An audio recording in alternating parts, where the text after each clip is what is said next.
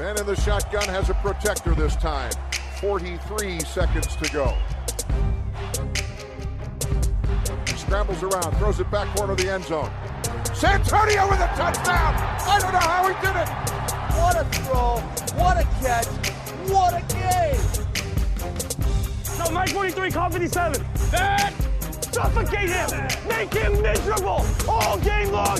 Get us the ball back! You could love him or hate him, but he was Brad. Hej, du lyssnar på veckans NFL med Mattias, Lasse och Rickard. Hej Lasse! Tjena! Tjena! Hej, hej Rickard! Hej, hej, hej. Kul att ni är med. vi ska snacka lite, vi ska snacka lite Arizona Cardinals idag bland annat. Köra lite specialavsnitt eftersom de är det sista obesegrade laget i NFL och ger dem lite extra uppmärksamhet. Vi ska prata lite såklart om eh, matcherna som var här senaste veckan och vi ska såklart titta framåt lite mot nästa veckas matcher. Men vi ska också ta lite nyheter och Tyvärr Rickard får man väl säga, det som vi måste börja med är ju att John Gruden, coachen för Las Vegas Raiders, har fått sparken eh, och bakgrunden till det är ju som kanske många redan har hört att han har uttryckt sig väldigt klumpigt på många olika sätt i många olika mejl till sin polare Bruce Allen som var sportchef i Washington eh, tidigare. Och eh, när de kom fram här så blev det nästan ohållbart att ha kvar honom. Han avgick men man får väl nästan tro att han eh, blev tvingad till att avgå. Eller vad tror vi Rickard? Ja, ett sånt här, vad kallar det, mutual agreement. Att de eh, kommer nog överens om att det, jag vet, han skulle ju inte kunna leda det här laget och Mark Davis med den historia som eh, eh Raiders ändå på något sätt måste stå för, för att de har varit ett inkluderande lag eh, alltid, så kan de ju inte ha en sån här person i, i ledning. Liksom.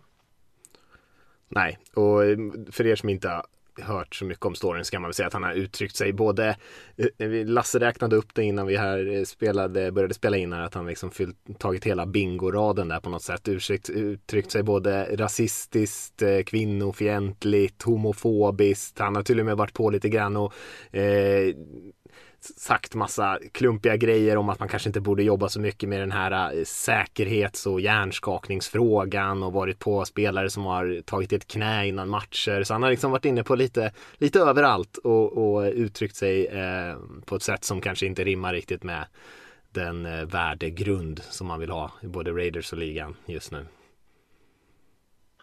Nej, verkligen inte. Och, och, eh, han kan ju inte vara kvar i Raiders som du säger Rickard. Och ska ju inte vara kvar eh, heller när, när man eh, eh, håller på med detta. Så, så eh, ska han ju bara bort. Så känns det ju.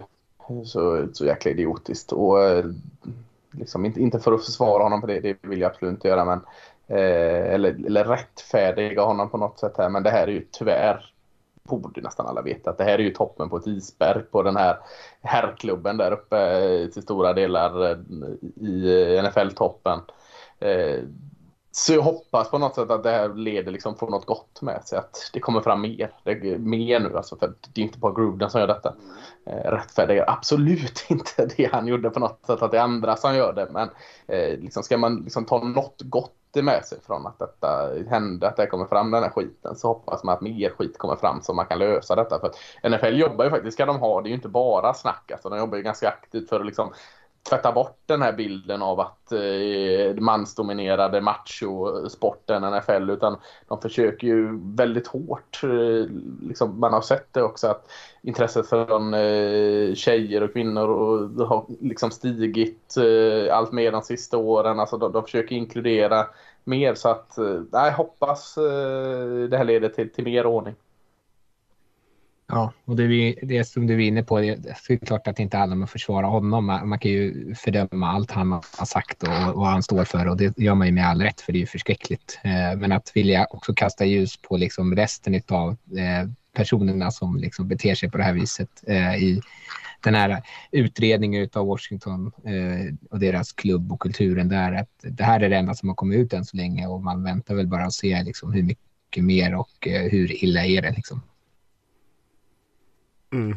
ja visst. Och några av de här grejerna som dök upp då, till exempel att hur man hade behandlat sina cheerleaders och sådana där grejer, Mm. eh, dyker upp lite här nu när det bland annat kom fram då att Bruce Allen, sportchefen där, hade skickat lite topless bilder på lagets cheerleaders till Gruden i men nu skrattar det var ju dumt. Eh, eh, det är ju inte så rimligt. Jag kan ju skratta åt idiotin i det. Ja, idiotin i det det hela. Det Men, får man ju lov att göra tycker jag.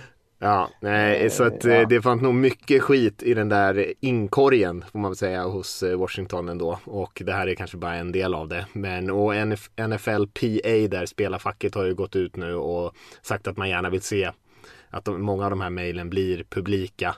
Jag har väl eh, svårt att se att det skulle hända så mycket på den fronten. Men eh, det lär vara ganska mycket annat där.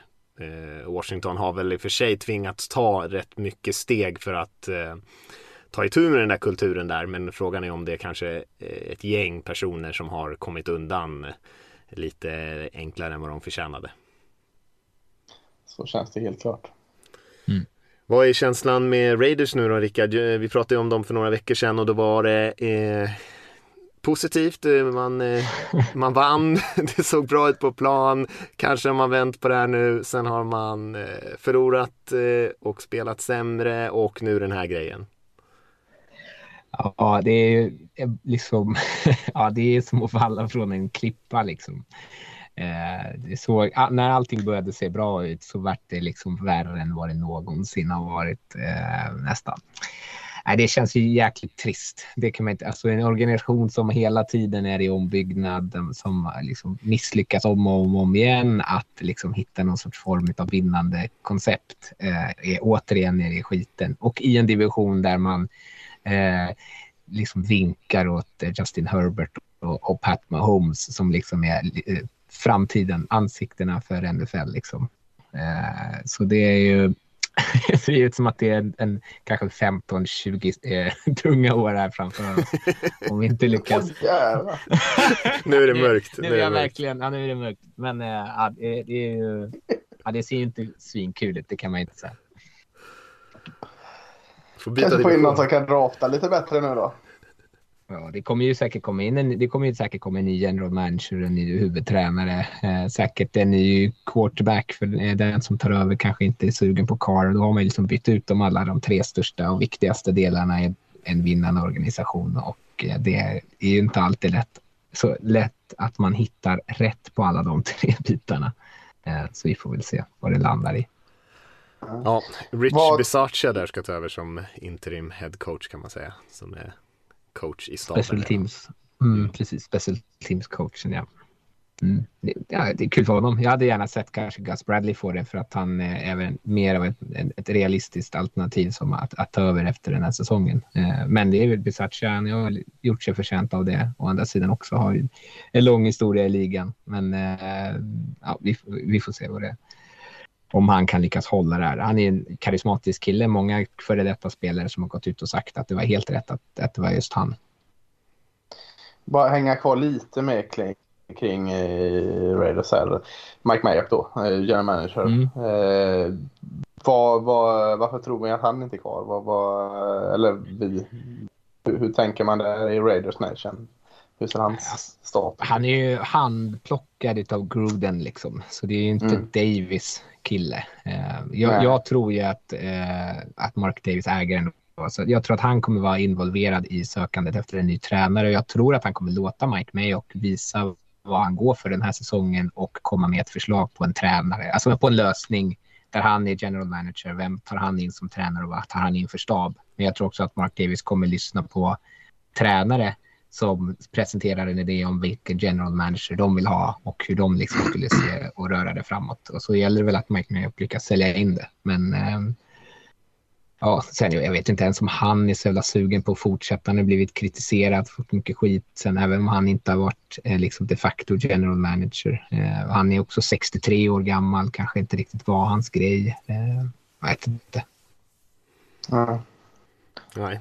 Urban Meyer säger tack till John Gruden i alla fall för att han snor lite av hans uppdrag. ja, precis. Det är ingen som bryr sig om honom nu. nej, eh, vi får se hur det där, eh, jag tycker du sa en, en viktig grej där också som eh, jag tweetade ut något liknande också, att just i Raiders också som har en historia av att kanske vara trailblazers i just inkludering, att ge minoritetscoacher och kvinnor chansen i den organisationen så så tyckte jag att det var, såg kanske extra illa ut att, eh, mm. att Gruden gör det på den här positionen. Då har man liksom kanske inte så mycket förståelse heller för var, var man verkar och Al Davis arv och allt det där liksom. Vad han har försökt bygga där med det laget. Eh, så ja, bara flika in där att det, det är ju kanske inte en organisatorisk grej i alla fall. Det här. Nej. Eh, ja, nej, eh, jag hade inte heller någon superkul vecka och Seahawks, som Seahawks-fan heller. Eh, vi kan ju nämna det, Russell Wilson klev jag av med skada senast där eh, mot Rams och, eh, och eh, visade sig att han hade ett eh, ett trasigt finger. Ett, eh, jag vet inte exakt vad det är som är fel i fingret. Något typ av eh, ligament där tror jag i fingret som är av och han kommer vara borta sex till åtta, fyra till åtta veckor, närmare sex veckor troligtvis. Eh, vilket betyder också att Gino Smith då kommer starta för Seahawks som quarterback eh, de närmaste en, en och en halv månaden här. Och man låg ju redan ganska risigt till får man säga för divisions, eh, i divisionsracet där om slutspelsplatser. Och det ser ju eh, rätt mörkt ut för Seahawks att de ska kunna ta sig till slutspel den här säsongen om inte Wilson gör en en makalöst snabb rehab här och kommer tillbaka och, och Gino Smith eh, lyckas vinna några matcher men det är inte så mycket som tyder på det skulle jag säga. Let Russell Heel är det nya eh, kanske, kanske borde vara det. Ja. Uh, han såg väl inte så helt skräp ut, Gino Smith. Han hade ju en förskräcklig pick där men eh, eh, det är klart det är en jäkla nedgradering mot Russell Wilson men det är ju inte totalt skräp. Här. Nej, han spelar bra och picken, jag vet inte, vad, det var hans receiven halkade där så det var inte så mycket ja, Smiths fel heller. Så det, jag menar, han spelar jättebra när han kom in. Men man tror, jag tror väl kanske inte på att, ja, ett inhopp sådär och man kommer in och motståndarna är inte beredda på det riktigt. Att, att man kan spela bra och dessutom i liksom underläge och det är kanske lite prevent försvar och sådana här grejer. Jag tror att det blir tuffare när man ska starta hela matcher sen med Gino Smith. Särskilt eftersom försvaret har spelat så dåligt och många andra delar inte har funkat så, så är det nog ganska mycket uppförsbacke just nu. Det finns ja, ju inte några spelare i NFL tycker jag som är lika liksom, eh, tongivande för hur det går. Alltså det, han är väl den mest liksom, värdefulla för sitt lags framgång eller inte. Plockar man bort honom så är ju laget helt annorlunda. Mm. Ja, ja, så är det ju. Alltså, jag tänker många av de här bra lagen, till exempel om Chiefs skulle spela utan Mahomes, som skulle de säkert vara helt okej okay på anfallet, men jag tror ja. inte att vi kommer se, det, det kommer inte se ut riktigt så för Seahawks tror jag. Känns det som en liknande situation med, med mitt Cowboys då förra året mm. när, när Dak gick ner så gick hela laget ner. Liksom. Nu var det i och sig linjen som skadades och sånt också men eh, Seahawks offensiva linje spelar ju nästan skadad känns som. Men, som de ser ut emellanåt. Men, men eh, lite samma situation där. Liksom. Det, det är oerhört stor risk, chans för, för fritt fall som du säger. Ja, och särskilt eftersom Rams och Cardinals går väldigt bra också i divisionen så mm. kommer det vara ett stort hål där troligtvis. Så ja, vi får se vad som händer där. Eh, men eh, ja, tuff, tuff läge just nu. Eh, kan ju nämna också bara som en så här liten nyhet, det var ju London-match här i helgen och det är ju London-match kommande helg här också. Och vi kan ju nämna då att de har ju kikat lite grann på och expandera det där utanför Storbritannien och England också och kikat på Tyskland och nu har man tydligen kommit ner till tre städer som man kikar på Düsseldorf, Frankfurt, München var man ska lägga eh, en match i Tyskland här framöver. Så det kan ju vara något att hålla lite koll på och följa mm. som vi kan uppdatera om lite där så småningom när vi hör något. Ska vi titta lite grann på eh, matcherna som spelades? Den stora snackisen var ju kanske alla missade kicks eh, i, eh, i Bengals Packers matchen. Som, det, det var väl mm. den för, första stora snackisen i alla fall. Sen hade vi ju lite spännande matcher lite senare. Men du tittade väl på den Lasse? Ja, det är klart att det är det man tar med sig. Eh, alla jäkla missade field goal till sen avgörs på en field goal på övertiden efter lite fler missar på övertiden av field goal. Så att, eh, det känns som att man kan tjata om, det är inte så mycket mer att säga om missade field goals än att just var missade.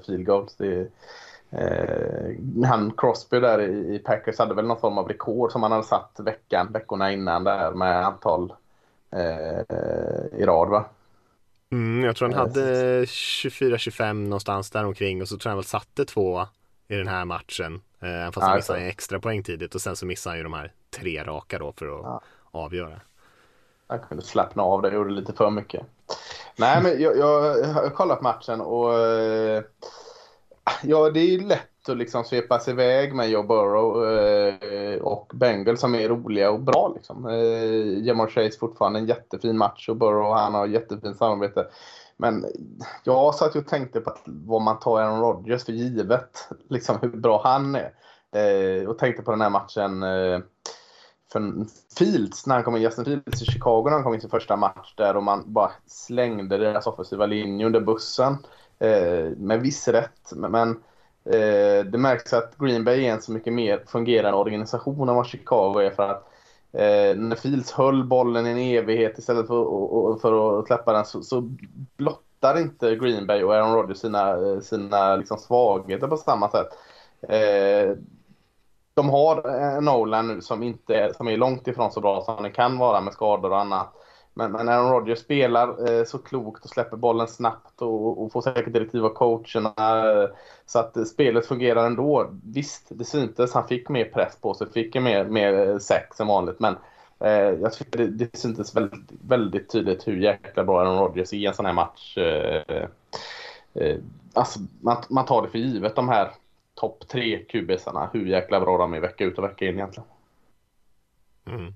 Finns det de som hävdar att eh, Sax är en QB-stat? Mm.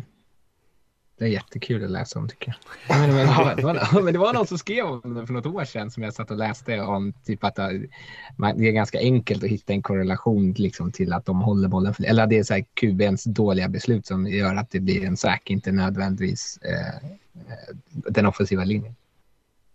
Mm. Nej, sanningen är väl någonstans mittemellan där, ja. ty eh, tycker jag man kan säga. Men, men just det här, eh, Joe Burrow och eh, Jamar Chase, svinfint. Och det är kul liksom, ett lag har varit så dåligt så länge så är det ju klart att man ska hypa upp dem när, när det går bra. Liksom. Men, men så kollar man på Aaron Rodgers och det var inte Adams i Packers, liksom, samma positioner. Vad hade, det, var, det var inte Adams, han hade två, över 200 yards liksom, mottaget. Och, och Aaron Rodgers passade för 350 yards. Så att, ja, det var ganska snyggt på andra sidan också. Och även att det var 111 jäkla missade sparkar och lite lotteri vilka som skulle vinna matchen så tycker jag det är fullt logiskt och, och, och att Packers är ändå värdiga vinnaren och är fyra. De är jäkligt bra. Ja visst, och eh, lite konservativt kan man säga i slutet där av coacherna. Eh, man förstår mm. det på vissa av de där field goalsen att ja, det kanske man räknar med att sätta en 48-49 eller sånt där men har ju ändå möjlighet att spela några gånger där, både Packers och Bengals, eh, men väljer att ändå ta det det som man upplever som det säkra och kicka de här långa field goalsen som sen inte sitter. Eh, men man kan ju faktiskt spela lite mer aggressivt än så. Om vi ska switcha över till en annan match som jag tittade på. Jag tittade på den här Browns Chargers matchen. Eh, där det blev en eh, sju helvetes massa poäng. Eh, det blev ju 41 poäng bara i fjärde kvarten mellan, i de här två lagen mm. emellan. Det blev ju 42-47 i slutändan till Chargers.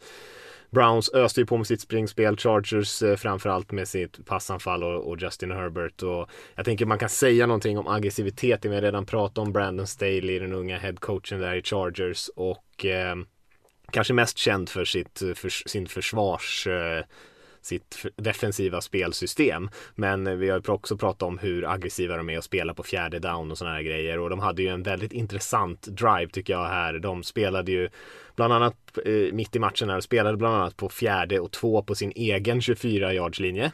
Eh, och sen samma drive då så spelade de på fjärde och sju på Browns 20 yards linje. Och sen så när de eh, gjorde touchdown så gick de för två poäng trots att de var ner åtta då. Så de kunde ju bara kickat en extra poäng och så hade de varit ner en touchdown. Men istället gick de för två då för att det är ju liksom matematiskt vad, vad, vad det sägs då är det mest ökar chansen mest att vinna.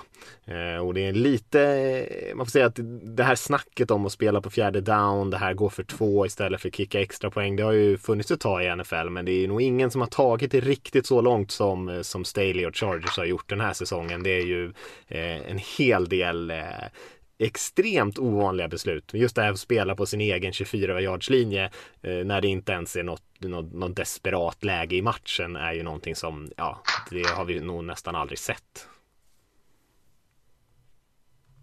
Nej, det är ju jätteimponerande så länge det går bra. Det är väl, när det kommer en match, Exakt. hade de förlorat, hade det inte funkat och de hade förlorat den här matchen, då hade man ju inte hyllat hans aggressiva liksom, attityd. Då har man ju sågat honom för att han tog eh, idiotiska beslut. Eh, så, så länge de vinner. Men de har ju, det ligger väl också en tillit till att han har ett anfall och en quarterback han litar på ska kunna lösa det om de sätter sig i en, i en dålig situation. Ja, och Herbert hanterar ju också alla de där situationerna fläckfritt. Mm. Han är ju eh, otroligt bra, Justin Herbert. Otroligt bra. Eh, och i den här matchen var han ju lysande bara. Alltså missar ju nästan ingenting och eh, liksom får de svåra kasten att se enkla ut och de enkla kasten de sätter han dem också. Mm. Tuff match för Browns att förlora såklart när man gör 42 poäng och ändå torskar. Mm. Har vi något mer som det, vi... Det, ja, kör. Bara för Browns, de torskade väl första veckan. Eller har de inte förlorat en sån här match tidigare? Och var det mot Chiefs de torskade? Jo, också det var också de... mycket poäng. Mm. Ja, precis. På en Mayfield um... interception var när han försökte kasta bollen out of bounds. Ja, precis. Mm. Ja, precis. Ja, eh, nej, jag såg eh, Bills eh, Chiefs-matchen då, apropå då om man ska eh, talla lite på de lagen. Eh, så Bills, vi pratade om det inför det, att det här är ett, kanske ett styrkeprov för dem att visa att de verkligen är på allvar.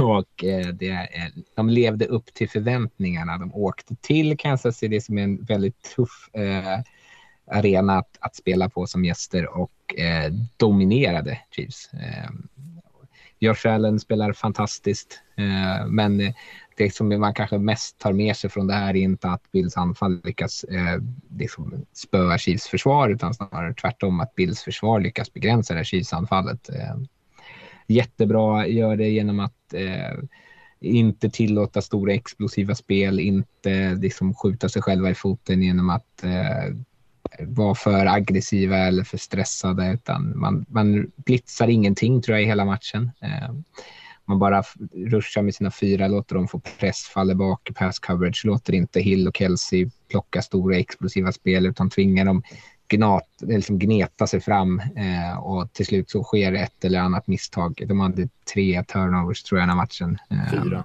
till och med. Fyra till och med, ja snyggt. Eh, som, eh, liksom, och det, det är ju lite så det har sett ut de matcherna som Chiefs egentligen har förlorat, att anfallet har eh, haft bollar som har stutt, inte har studsat deras väg, eh, som tidigare säsonger kanske har gjort det. Eh, jag tror inte att Chiefs har någon orsak att vara oroliga över att de, eh, de kommer att vara bra hela året, men för Bills, verkligen, nu är man ju, eh, nu är de ju utan tvekan på toppen i AFC och eh, kanske på toppen i hela NFL.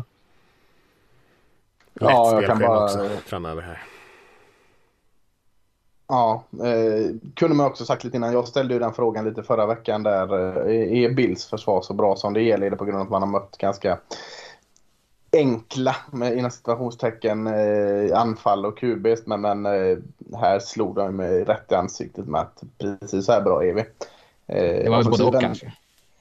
Ja, eh, kan ju inte säga att det, det, var ett enkelt anfall de mötte här. Liksom, så att, eh, eh, de visar ju i alla fall att det är inte bara på grund av att vi har mött dåliga anfall som vi just nu är jäkligt bra. Att Bills är ju så välfungerande nu så att eh, ja, det blir väl Super Bowl och förlust eh, i gammal klassisk anda för Bills det här året.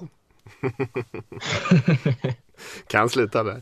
Men jag, om man ska vara lite djävulens advokat här. Eh, jag tror mycket på Bills, jag tycker de är bra. Jag, jag tycker om att det, är, att det är det bästa laget i AFC just nu. Men eh, man kan väl också, när man jämför de här två lagen, säga att Chiefs än så länge är ju minus 7 i turnovers den här säsongen. Bills är plus 11. Så att det är 18 turnovers i skillnad mellan de här två lagen efter fem matcher. Eh, och det är ju såklart en absurd mängd. Eh, och det kommer ju inte fortsätta på det sättet. Så Bills kommer ju komma ner lite grann på jorden på den, i den statistiken i alla fall och Chiefs kan man ju tänka sig med Holmes eh, bör inte kasta så här mycket interceptions, de bör inte ha så här mycket turnovers emot sig.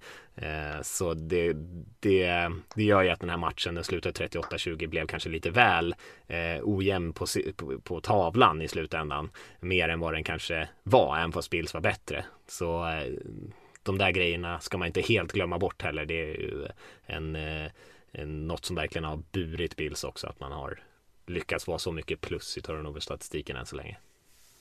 Mm. Eh, ja, är det något mer intressanta? Man kan ju nämna att eh, Baltimore Ravens och eh, med framförallt Lamar Jackson och hans passningsarm gjorde en, en eh, imponerande comeback mot Colts och vann ju på övertid där. Lamar Jackson är över 400 yards i passningsspelet och han springer ju också för en hel del yards i år. Även fast det kanske inte är bland det värsta vi har sett från honom. Ehm, hade mer Vikings vann knappt över Lions som nästan kom igen där i slutet. Känns som en typisk Lions-grej i år att göra på det sättet. Patriots pressades av Texans rätt länge men vann i slutändan. Hmm. Ja, Tom Brady och Buccaneers Eagles gick och vann mot Eagles gick och vann eh, borta mot Panthers. Mm. Eh, Panthers två raka förluster nu mot eh, svaga NFC East då, eh, som de var förra året. Eh, det var ett av de här lagen vi lyfte till 3-0 och kanske lutade lite åt deras spelschema och det verkar vara att de har landat lite som, som eh, ett annat lag med vissa andra problem nu, verkar ja, så kan det vara. Så kan det verkligen ja. vara. Cardinals som sagt lyckades vinna över 49ers och det är väl en alldeles utmärkt eh, brygga över till att vi ska snacka lite Arizona Cardinals idag. Och vi har gjort några sådana här eh, specialavsnitt där vi har nördat ner oss lite grann på ett lag eh, och eh, det brukar eh, vara uppskattat och vi tänkte att vi skulle göra det nu och det finns väl ingen bättre tid än när man är det enda obesegrade laget kvar i ligan. Nej, det tycker jag. Jag tycker vi ska gå in och, och, och prata Arizona Cardinals.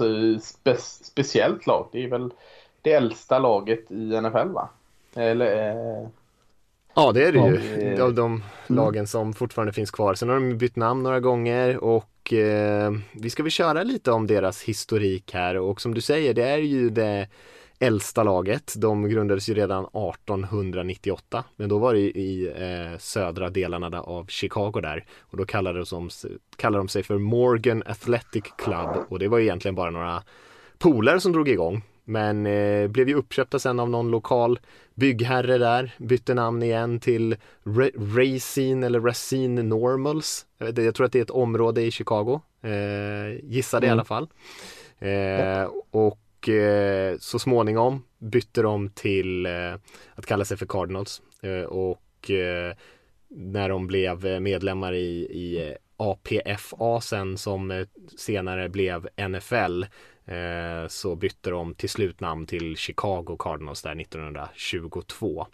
Får jag flika in lite där mm. varför de bytte att de hette Cardinals är ju eh, spännande. Man tänker ju att den här fågeln eh, har, har med det att göra. Men han byggherren som köpte det här laget eh, eh, var ju tvungen att gå ut och köpa lite begagnade tröjor av University of Chicago som man Alltså de var urblekta vinröda dräkter som han då beskrev som kardinalröda, alltså cardinal red. Så därav namnet att han inte liksom kunde köpa nya tröjor utan urblekta marinröd eller eh, eh, marinröda, det var en ny färg, alltså vinröda tröjor som då mer påminner om den här kardinalfågelns röda färg. Så att det var inte att de hade någon sån här fräckt koppling till djuret utan det var bleka tröjor som gör att de heter eh, Cardinals. Ja, och den fågeln är ju verkligen lite sådär halv, alltså den är lite såhär rödbrun, blekt, alltså den har ju en väldigt intressant eh, färg och det är ju den fågeln som de fortfarande har kvar som sin eh, logo liksom. Mm. Logo. Eh. Och om jag ska vara fortfarande jobba flora och fauna här så kan jag säga fågeln i sin tur då har ju fått sitt namn. Vet ni var den har fått sitt namn ifrån? Nej, nej. nej, nej. Det var sjukt om jag hade vetat det. det ja, det, var det, det är ju efter efter de här kardinalerna från den katolska kyrkan som ofta klär sig i röda, färg, röda färger under sina mm. massor och sånt. Så att, eh, ja, det finns katolska gener i andra lag än Notre Dame i USA. Ja, men det ser man. Mm. Nu kan du återgå, nu har jag, nu har jag gått in Ja, med, just med det, fun just facts det. här. Just det, just det, det är bra. Du och dina fun facts. Eh, ja, men 1922 i alla fall då så blev de ju Chicago Cardinals. Eh, och då spelade de ju framförallt ganska mycket mot lokala lag där, eller de flesta lagen var ju från Ohio-området i alla fall innan där. Eh, och eh, det gick väl hyfsat för dem under den här perioden när de var i Chicago. Eh, de eh, spelade ju bland annat två raka Super Bowls, 47-48 där, vann ju mot Eagles 1947 på Comiskey Park där i Chicago, minusgrader. Eh, och eh, det är ju också den enda Super Bowl som, som Cardinals har vunnit och det var ju alltså 70 år sedan någonting.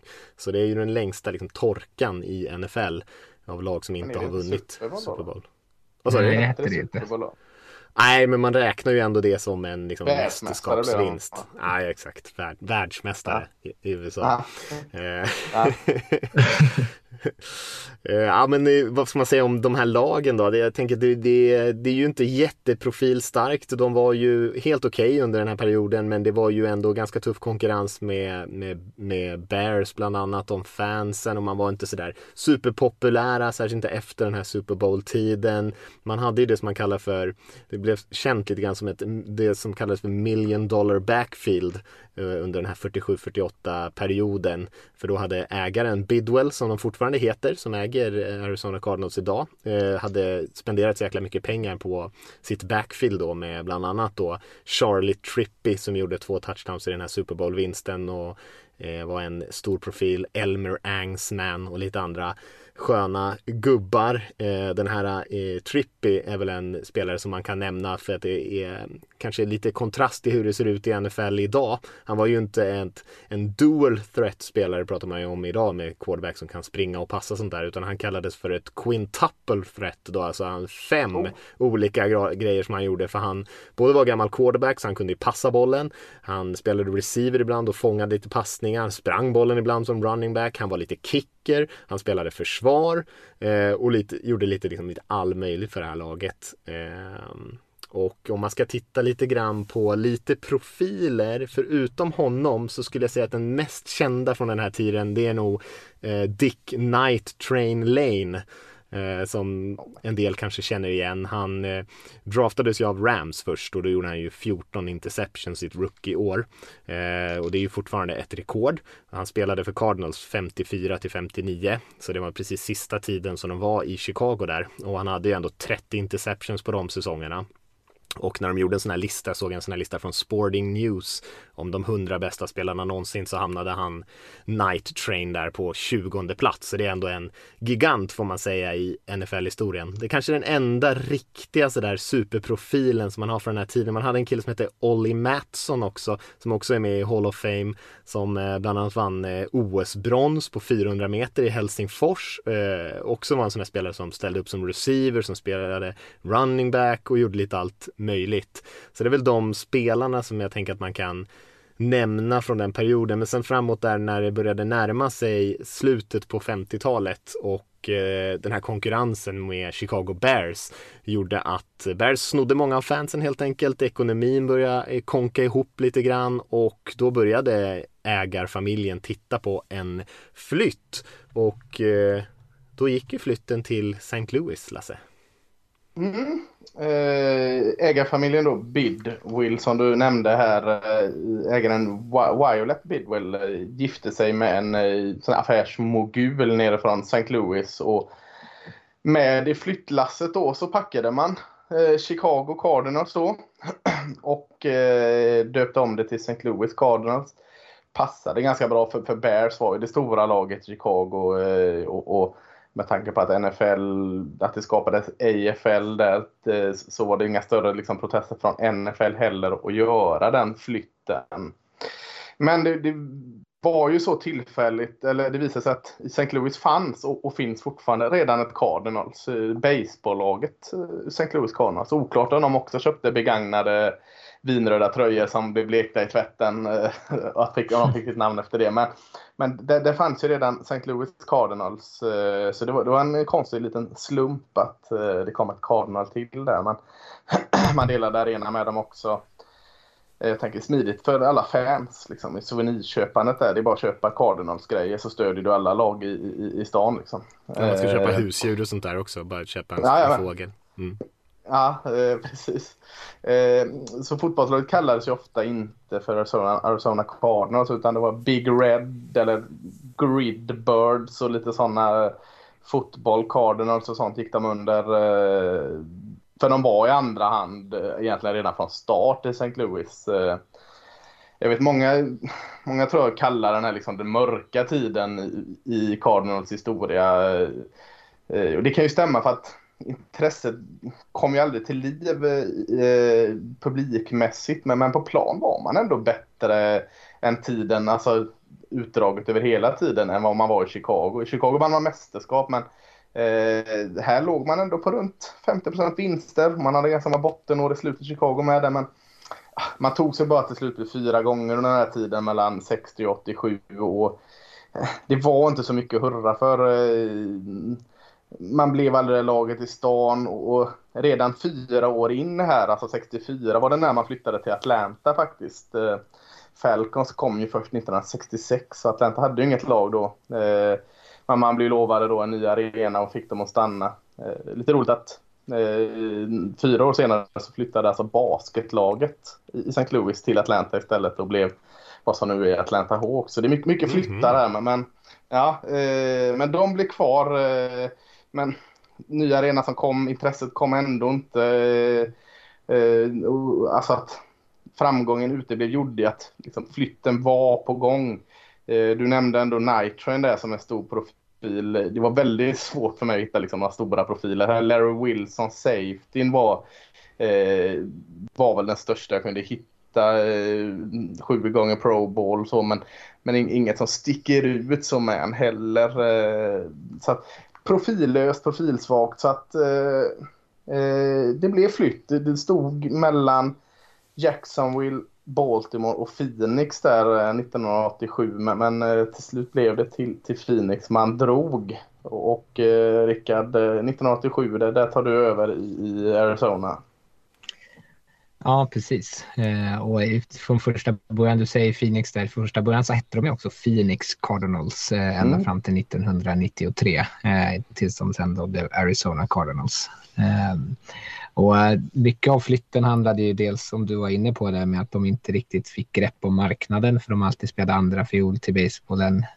Och sen att de det gick, de spelade ju inte speciellt bra. Eller alltså, det finns ju en orsak till varför inte så många profiler på den här tiden och så många slutspelsmatcher eh, eh, eh, är att de inte var speciellt bra.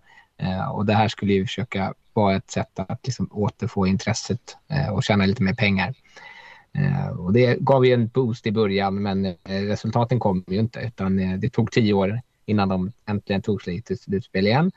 1998 då var det första slutspelsmatchen på 16 år och de vann och det var också den första slutspelsmatchen som de vann eh, sedan 1947. Så det var... Eh, sjukt alltså. ja, det var eh, en, en lång törstande eh, supporterskara där. Eh, Eh, och sen så eh, dröjde det egentligen faktiskt också tio år till innan de återigen tog sig in till slutspelet. Eh, och det är ju kanske det laget som om man tänker på Arizonas historia är det, det bästa de har haft om man bortser från 5-0 i år. Då.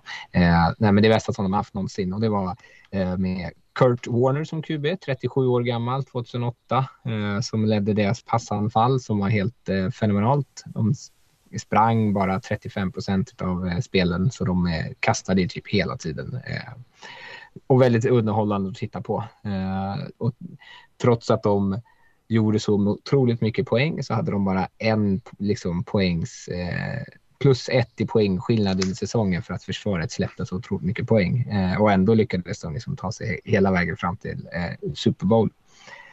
Eh, Warner hade tre stycken väldigt bra eh, receivers som alla hade över 1000 yards det året. Larry Fitzgerald, en framtida Hall of Famer. Eh, Ancon Bolden och, Steve Breston. Um, ehm, och det man kanske minns framför allt från det här är när eh, Larry Fitzgerald totalt eh, man säger, eh, spelade makalös fotboll i slutspelet. Hade han eh, på de fyra matcherna 546 yards på 30 mottagningar och sju stycken touchdowns, vilket är helt eh, eh fenomenalt. Men de torskade Super Bowl mot eh, Pittsburgh Steelers. Eh, mycket tack vare en pick six av James Harrison som man kommer kanske ihåg eh, om man såg matchen. Oh, han sprang tillbaka den hela vägen. bra. Ja. Ja, Det precis. en jättelång ja, en- pick six. ja. Ja, en 100 yards. Det var den längsta historien, eh, touchdownen i, i en Super Bowl. Eh, som var bra året därpå och sen efter det så pensionerade sig eh, Warner och sen så eh, var det några år det var lite mediokert. Sen signade de med Carson Palmer eller tradade till sig Carson Palmer från Raiders eh, och med head coach Bruce Arians som nu är back så var man ändå ganska bra. Man vann en del matcher under grundsäsongen. Det snackades mycket om dem men det hände liksom inte liksom mycket i slutspelet. Ehm, och nu så är det som liksom de har, fick fått som mest uppmärksamhet de senaste åren är ju med Kylie Murray när de valde honom nummer ett i draften 2019. Eh, för då hade de plockat eh, Josh Rosen året innan med 15 valet i första rundan. Eh, och det var ju så här, ska de gå vidare redan? Eh, men så här i efterhand så är det ju svårt att säga att de eh, gjorde fel. Det var ju väldigt bra. Eh, och ska man kolla liksom spelare från den här eran så är det ju Kurt Warner förstås. Eh, Larry Fitzgerald som är kanske en av de bästa receiverna. Eh, inte, inte den, men en, en, en topp 10 åtminstone. Eh, en eh, cornerback, eh, Aines Williams, eh, spelade 10 år. Eh, är också invald i Pro Football Hall of Fame. Eh, I modern tid, Patrick Peterson förstås, eh, cornerbacken som nu är i Vikings. Eh, men eh, ska man så kolla ikon för laget eh, så kanske den största inom hela organisationens historia skulle jag säga är Pat Tillman, linebacker som det Mm. snackas om varje år. Eh, han startade linebacker för dem från 1998 till 2002. Då drog han istället ut eh, i kriget i Afghanistan. Eh, och det lyfts ju alltid upp som en, en hjältehistoria att han var villig att offra eh, en liksom, proffskarriär inom fotbollen som han hade kämpat för i hela sitt liv för att eh, åka och eh, eh, tjäna sitt land i, i kriget i Afghanistan. Eh, som hans förä- eller han kom från en familj som hade varit eh, liksom militärer. Eh, han, han och hans brorsa gick in eh, i det samtidigt och han omkom tragiskt nog i en, eh, efter ett ambush eller ett anfall. Eh, och de, han lyfts ju varje år eh, när man pratar om det här och det är med all rätt en, en, en hjälte. Per Tillman blev väl skjuten av sina egna polare Ja, va? precis. Om jag inte minns fel från den eh, filmen om honom. Det var ju väl Ja. Friendly Fire där som eh, Ja, precis. De blev ju attackerade och så försökte de så här skjuta sig sin väg ut och när han då är en av dem som liksom ger eh, fire så är det någon annan som råkar skjuta honom. Liksom. Eh, Mm. Så väldigt olyckligt förstås. Mm. mm, Ja, Jag minns eh, Larry Fitzgerald där, den superbollen. Eh, jag kommer ihåg att eh, jag minns än idag om det inte har hypat upp så mycket kring en, just en wide receiver som liksom den stora namnet till en superboll innan. Alltså han, alltid den där QB-snacket liksom som är, eller tränarsnacket eller något. Men jag minns det så jäkla väl liksom att det pratades bara Larry Fitzgerald i, i, i eh, Arizona Cardinals, eh, den superbollen. Jäklar vad stor han var egentligen. Man glömmer faktiskt det. det är, när la han av sig för två år sedan eller något. Eh, ja, ja, man glömmer snabbt. Han, han, som du säger, han är inte den största, men han är absolut där uppe. Eh, grym jäkla receiver. Ja, i den, och i den här organisationen så är han ju liksom eh, också liksom ikonstatus förstås. Mm. Och en av de där spelarna som är så här universellt omtyckta tror jag också. Det är inte Mm. många som har något negativt att säga om Larry Fitzgerald. Det finns ju några sådana spelare som ja, är bara välrespekterade tror jag nästan oavsett fanbase så, så är väl han en av dem. Mm.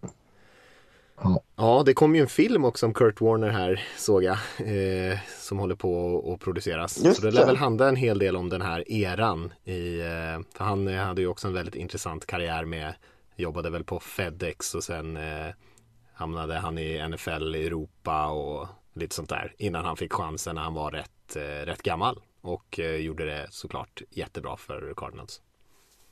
Ja, och framförallt eh, Rams. Eh, Rams också. Greatest Show on Turf där är, eh, är väl en del av filmen misstänker jag. Men, men eh, ja, i Cardinals också såklart. Ja, vad ska vi säga om dagens lag? Vi har pratat om det lite grann. Det känns som att eh, Cardinals i ett par år har haft så här, ganska mycket spännande spelare och de har ju fortfarande eh, ganska mycket roliga spelare i sitt lag. I år tog de ju in, eh, blev det ju en stor snackis att de tog in så mycket gamla gubbar om man får säga så. Jag tog in JJ Watt och, AJ Green och sådär. Och innan dess hade man ju väldigt mycket unga liksom, blivande stjärnor kanske man kan säga.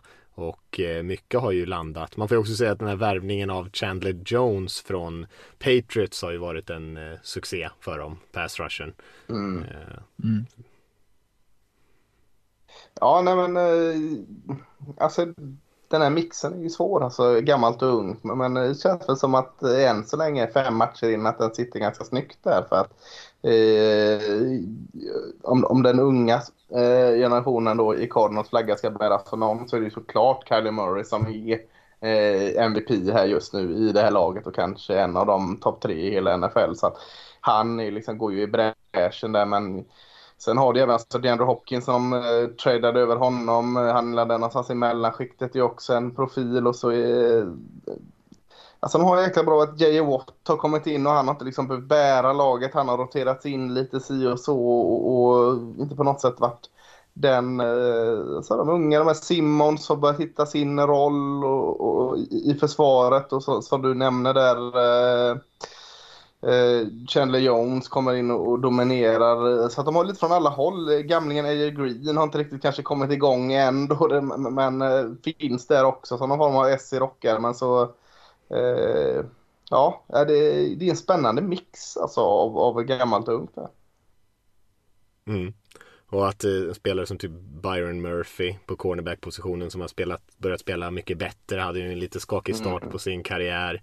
Eh, tillsammans med Buddha Baker där som, eh, som har varit eh, bättre från start får man säga. Eh, så har man ändå en hel del, man är ett ganska jämnt lag, man är ganska bra på båda sidor av bollen och man har ju sett det också lite grann. Vissa matcher vinner de mycket tack vare sitt försvar och vissa matcher vinner de kanske bara på grund av sitt anfall och liksom en explosiv Kyler Murray.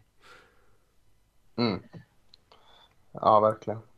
Och så, eh, vi, vi har väl benämnt dem som det här Madden-offensivet ett par gånger i den här podden eh, tidigare. Liksom, som, man, som vi, om vi skulle få fria tyglar, plocka upp det här eh, tokiga uppställningen med eh, sex bra receivers. Eh, kanske en liten, bortse lite från offensiva linjen och så en spännande QB. Eh, men än så länge, men man ser, jag sitter ändå lite och väntar så här.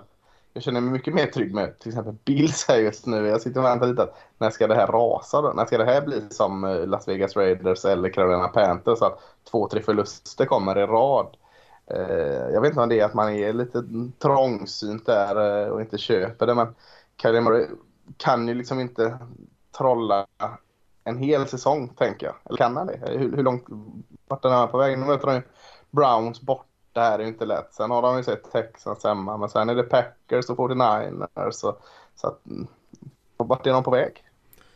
Det är- mycket som faller deras väg liksom, och de har ett anfall som kanske inte känns som när man tittar på det så här pålitligt i att så här, det, allt är skriftat och snyggt och cleant och det går som planerat utan mycket är ju att de gör saker bara eh, på Kylie Murrays improvisation. Eh, Ja.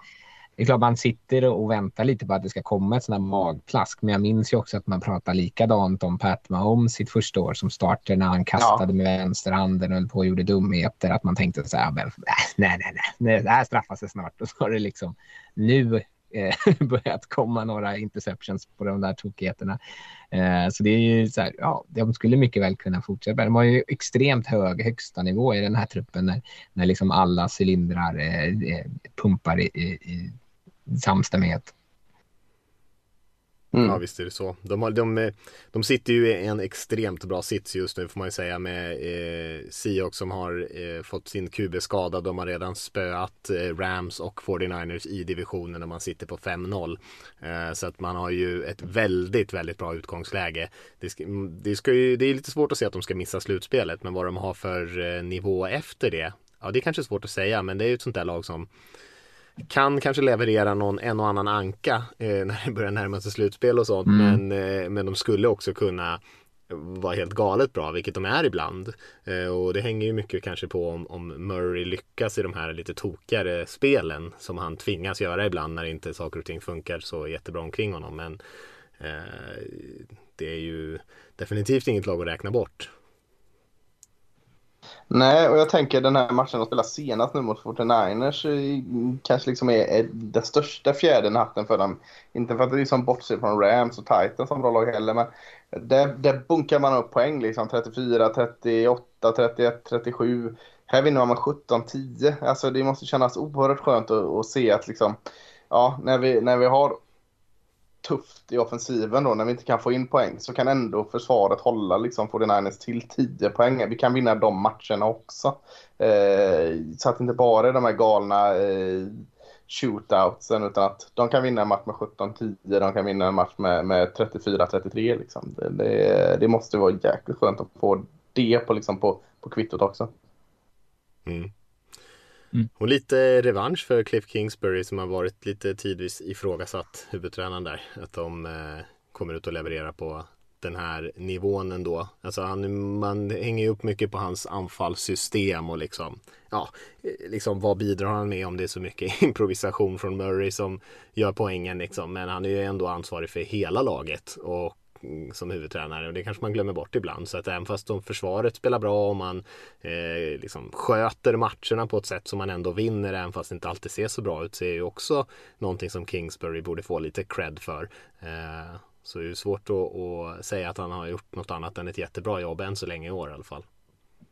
Jag tycker också att han ska få cred. Alltså en ung tränare ska också få cred för att han inte gör allting. Alltså han, Eh, fan, ser han att eh, Murray kan lösa det, liksom, gå inte in och peta och liksom, eh, styra i allting. Då, liksom, var så pass liksom, eh, klok eller smart eller prestigelös, vad man ska kalla det.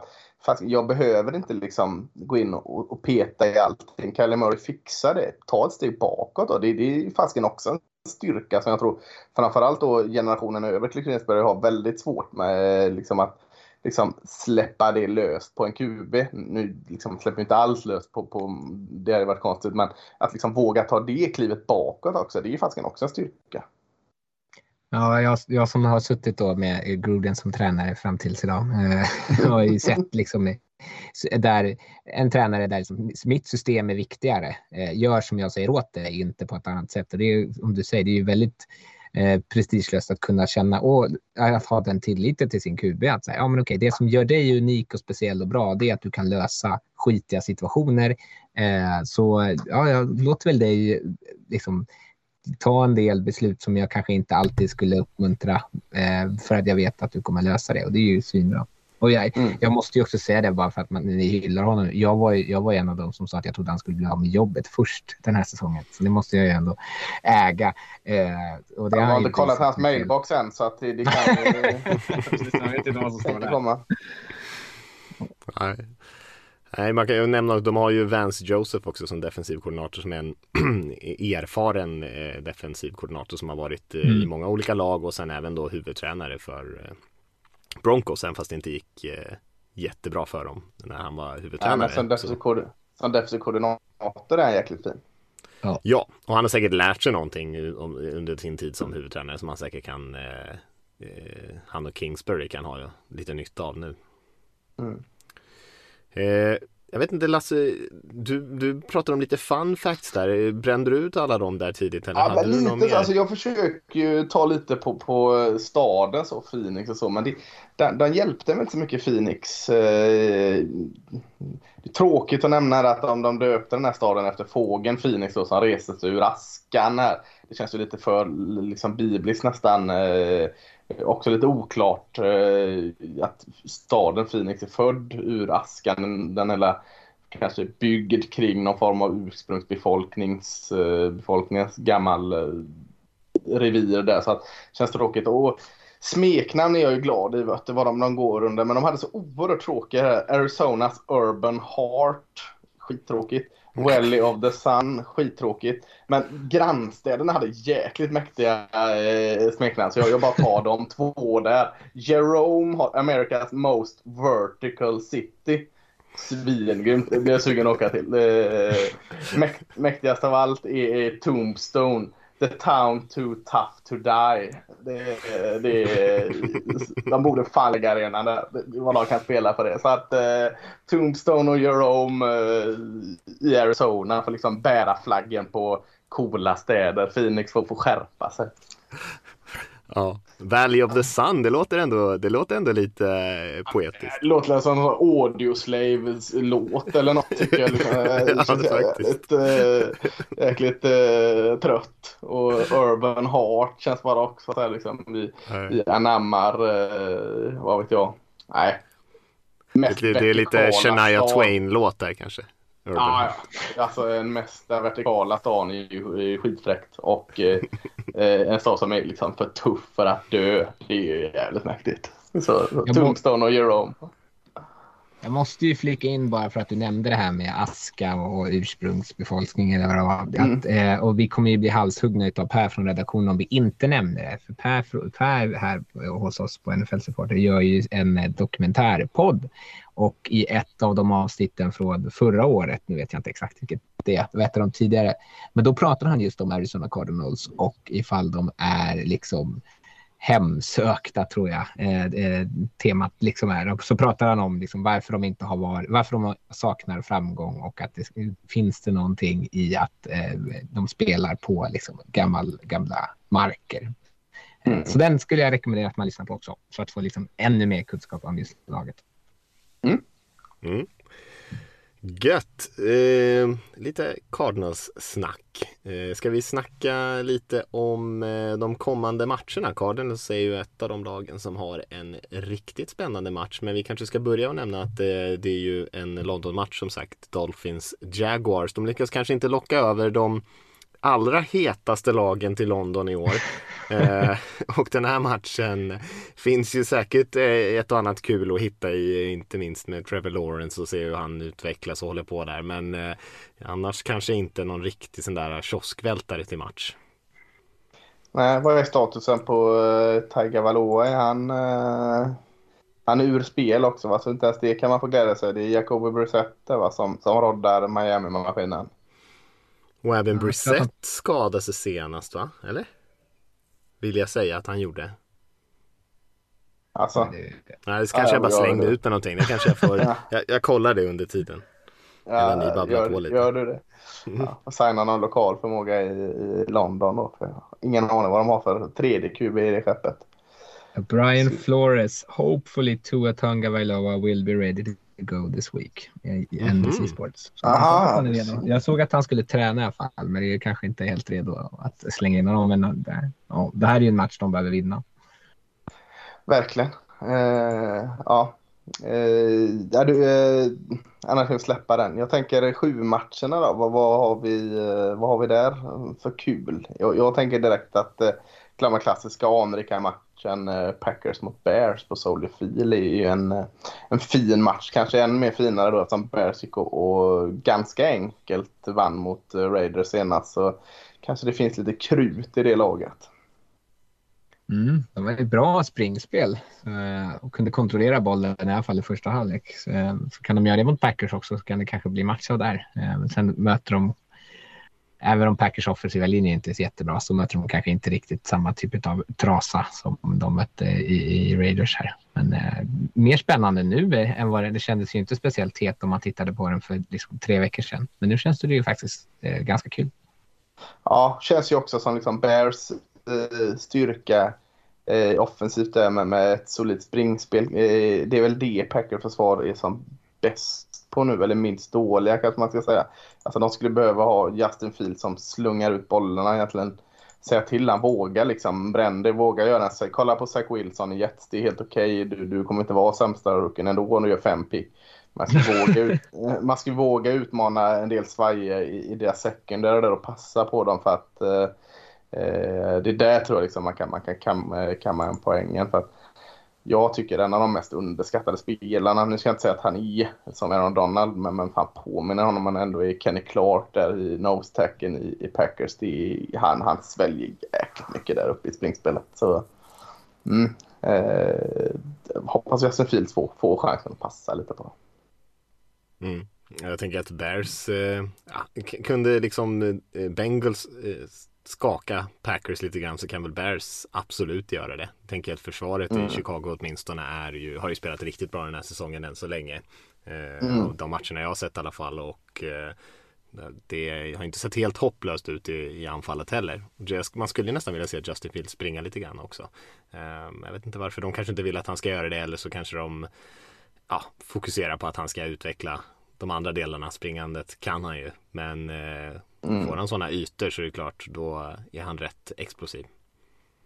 Jag tror att de försöker begränsa så mycket som möjligt för honom. Gör, liksom, underlätta genom att han inte ska behöva dels springa eller ha så mycket liksom, som ligger på hans axlar utan att försöka avlasta honom. Eh, men jag håller med om det. Men sen det var ju också, han hade ett par chanser mot Raiders han kunde sprungit där han valde att, eh, att försöka söka passningen istället.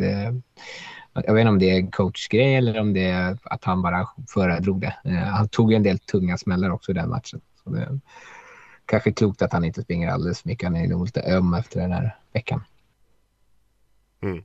Intressant att se dem hur hantera Devante Adams också för den här Packers-matchen mm. eller den här Bengals-matchen så kändes som att det var nästan varje passning gick mot Adams så mm. ja, han var fri nästan varje gång också.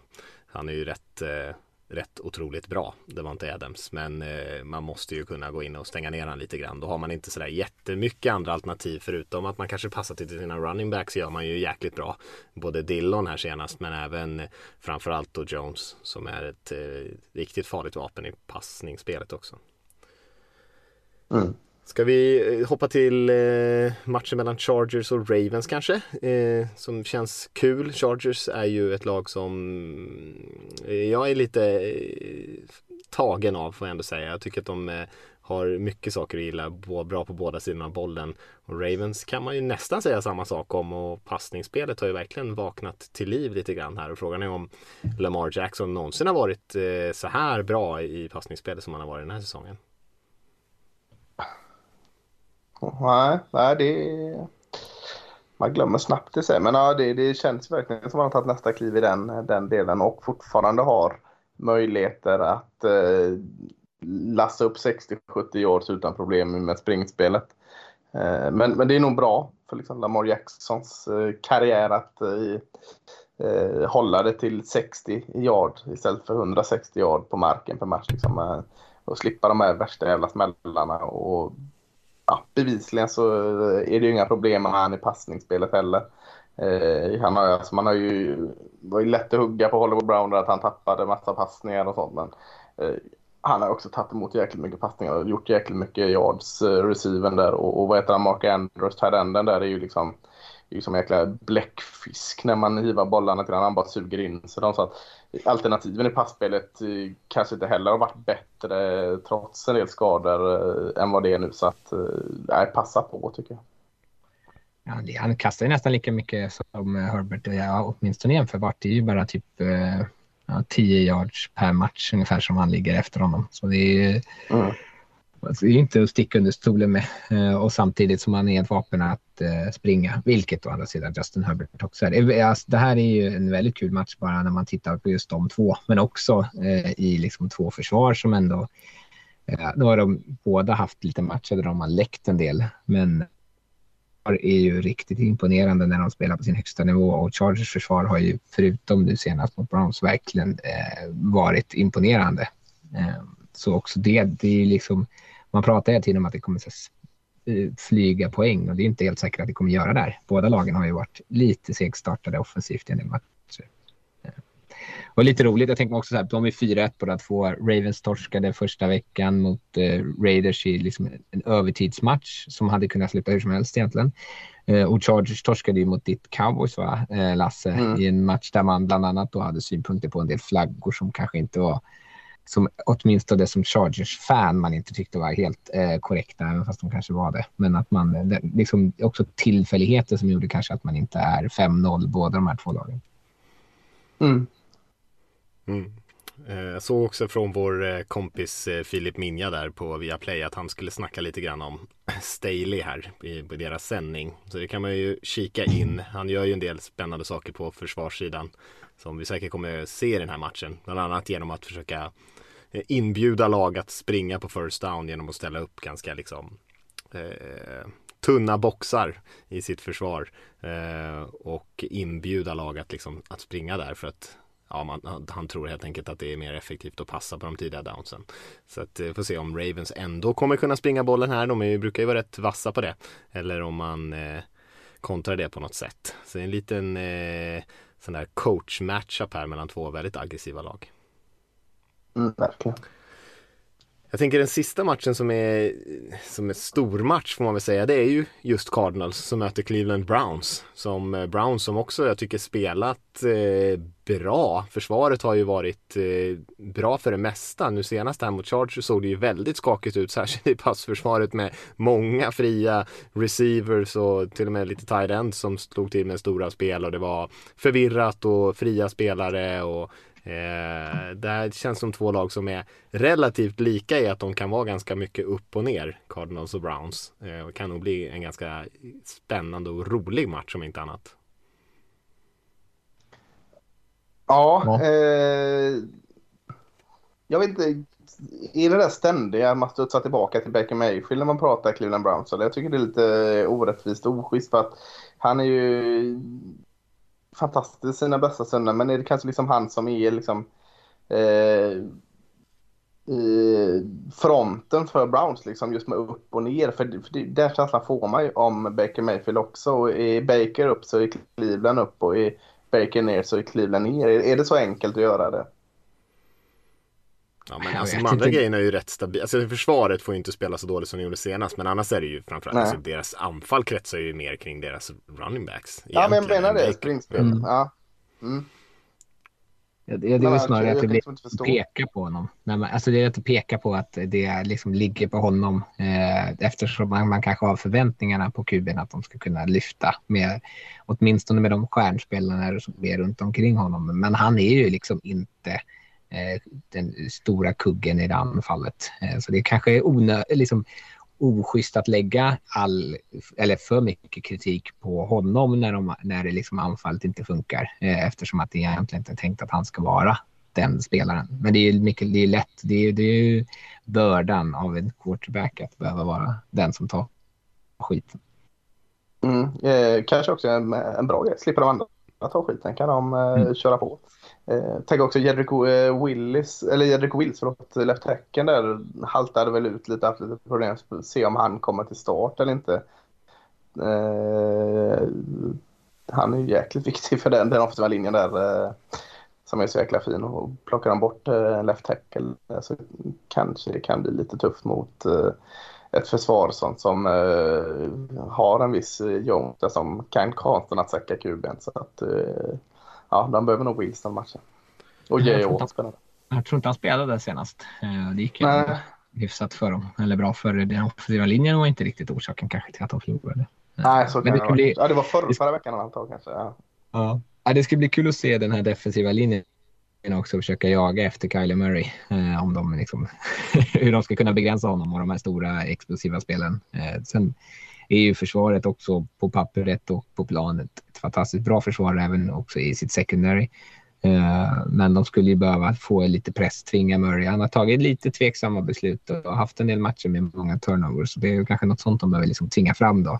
Eh, och sen eh, att Browns då springer bollen en del för att inte alltså inte blir den här jätteshootouten. Visst, de hängde med här. De hängde med mot eh, Ravens också, men de kanske egentligen borde vinna matcher som inte poängen inte springer iväg och där försvaret kanske täpper till lite mer. Mm. Mm. Ja, det är väl, eh, får man säga, om man eh, räknar bort TJ Watt så är det väl kanske de två bästa pass rushers som ligan har just nu i den här matchen med med Jones och Miles Garrett på andra sidan. Jag höll ju mm. på att skriva lite positiva saker om Rashawn Slater där, left-tacken i Chargers senast. För jag tycker att han eh, gjorde ett ganska bra jobb mot Miles Garrett där i början, men sen blev han ju eh, rejält eh, mosad och runtsprungen en del av Garrett som ändå gjorde en, eh, en ännu en till bra match, även fast de tillät 49 poäng eller vad det nu var i slutändan. Mm. Eh, så jag vet inte, vi får se hur det går också men eh, det är ju spelare som både han och Jones som kan verkligen vända matcher. Särskilt om de producerar lite fumbles och såna här grejer. Mm. Mm, mot Cardinals linje som är lite... Uh, jag är inte riktigt såld på den än. Så att, ja, det är en spännande match. Mm. Är det någonting mer som vi vill nämna från den här veckan som kommer? Man kan väl nämna lite snabbt bara. Jag tycker att Cowboys-Patriots-matchen känns eh, spännande med Cowboys anfall och Patriots försvar som nu precis innan försäljningar, inför säljningsstorgning att det har ju varit lite upp och ner, vilket det har varit. Men när det väl är, när Patriots försvar är riktigt bra så är det ju riktigt bra och då kan det bli en, eh, en ganska kul match det här. Eh, kanske inte så här superpoängrik och Cowboys är ju jätteunderhållande att titta på. Offensiva koordinatorn Kellen Moore där är ju en, en sån här het eh, head coachkandidat för oss lag som inte längre har en headcoach. Eh, som pratas om som skulle kunna vara någon, ett, ett, ett namn lite som med, med Joe Brady. Eh, att, eh, en av de här namnen att hålla koll på inför eh, coachcirkusen här framöver. Ja, det känns skönt för mig att vi slipper möta Stefan Gilmore där. Eh, Patriots tradade ju Mm. bort honom till, till Jaguars. Var det varit, nej, vilka blev det till slut? Nej, till Panthers var det väl? Ja, Panther var det, förlåt. eh, Så. Det var för att de hade tradat till sig från Jaguars CJ Henderson. Så det, Just det, så var det. Och så, ja, det var skönt att slippa honom. Men, men ja, det är ju... Cowboys offensiv är jätteroligt just nu. Alltså, inte bara bra, utan roligt. Eh, Mycket finurliga halvtrickspel och sweeps och annat hitan och ditan. Och Mike McCarthy är inte heller oblyg att gå på fjärde försöket. Så att, eh, och så Bill Belichicks eh, ja, kamp mot detta ska ju bli det, så det är helt klart en rolig sak. Offensiv mot defensiv som är roligt. Mm.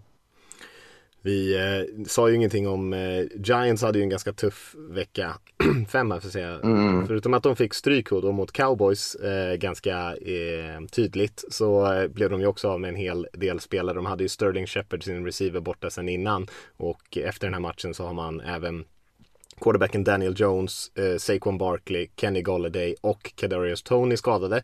Eh, så att det är ju i stort sett hela deras anfall. Alla startande skridspelare. tacken också, Andrew Thomas eh, Tacken också borta.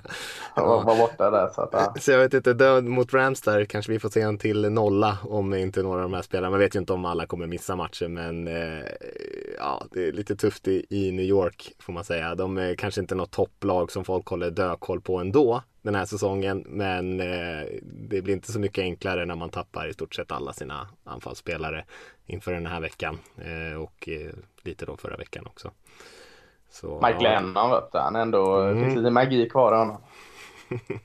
kanske det, kanske det. Eh, ja, nej men ska vi knyta ihop den säcken där? Mm. Känns det gott att få avsluta med Mike Lennon. Mike Lennon, då fick jag liksom Cardinals-vibbar av honom. Han varit där i Ja. Cardinals?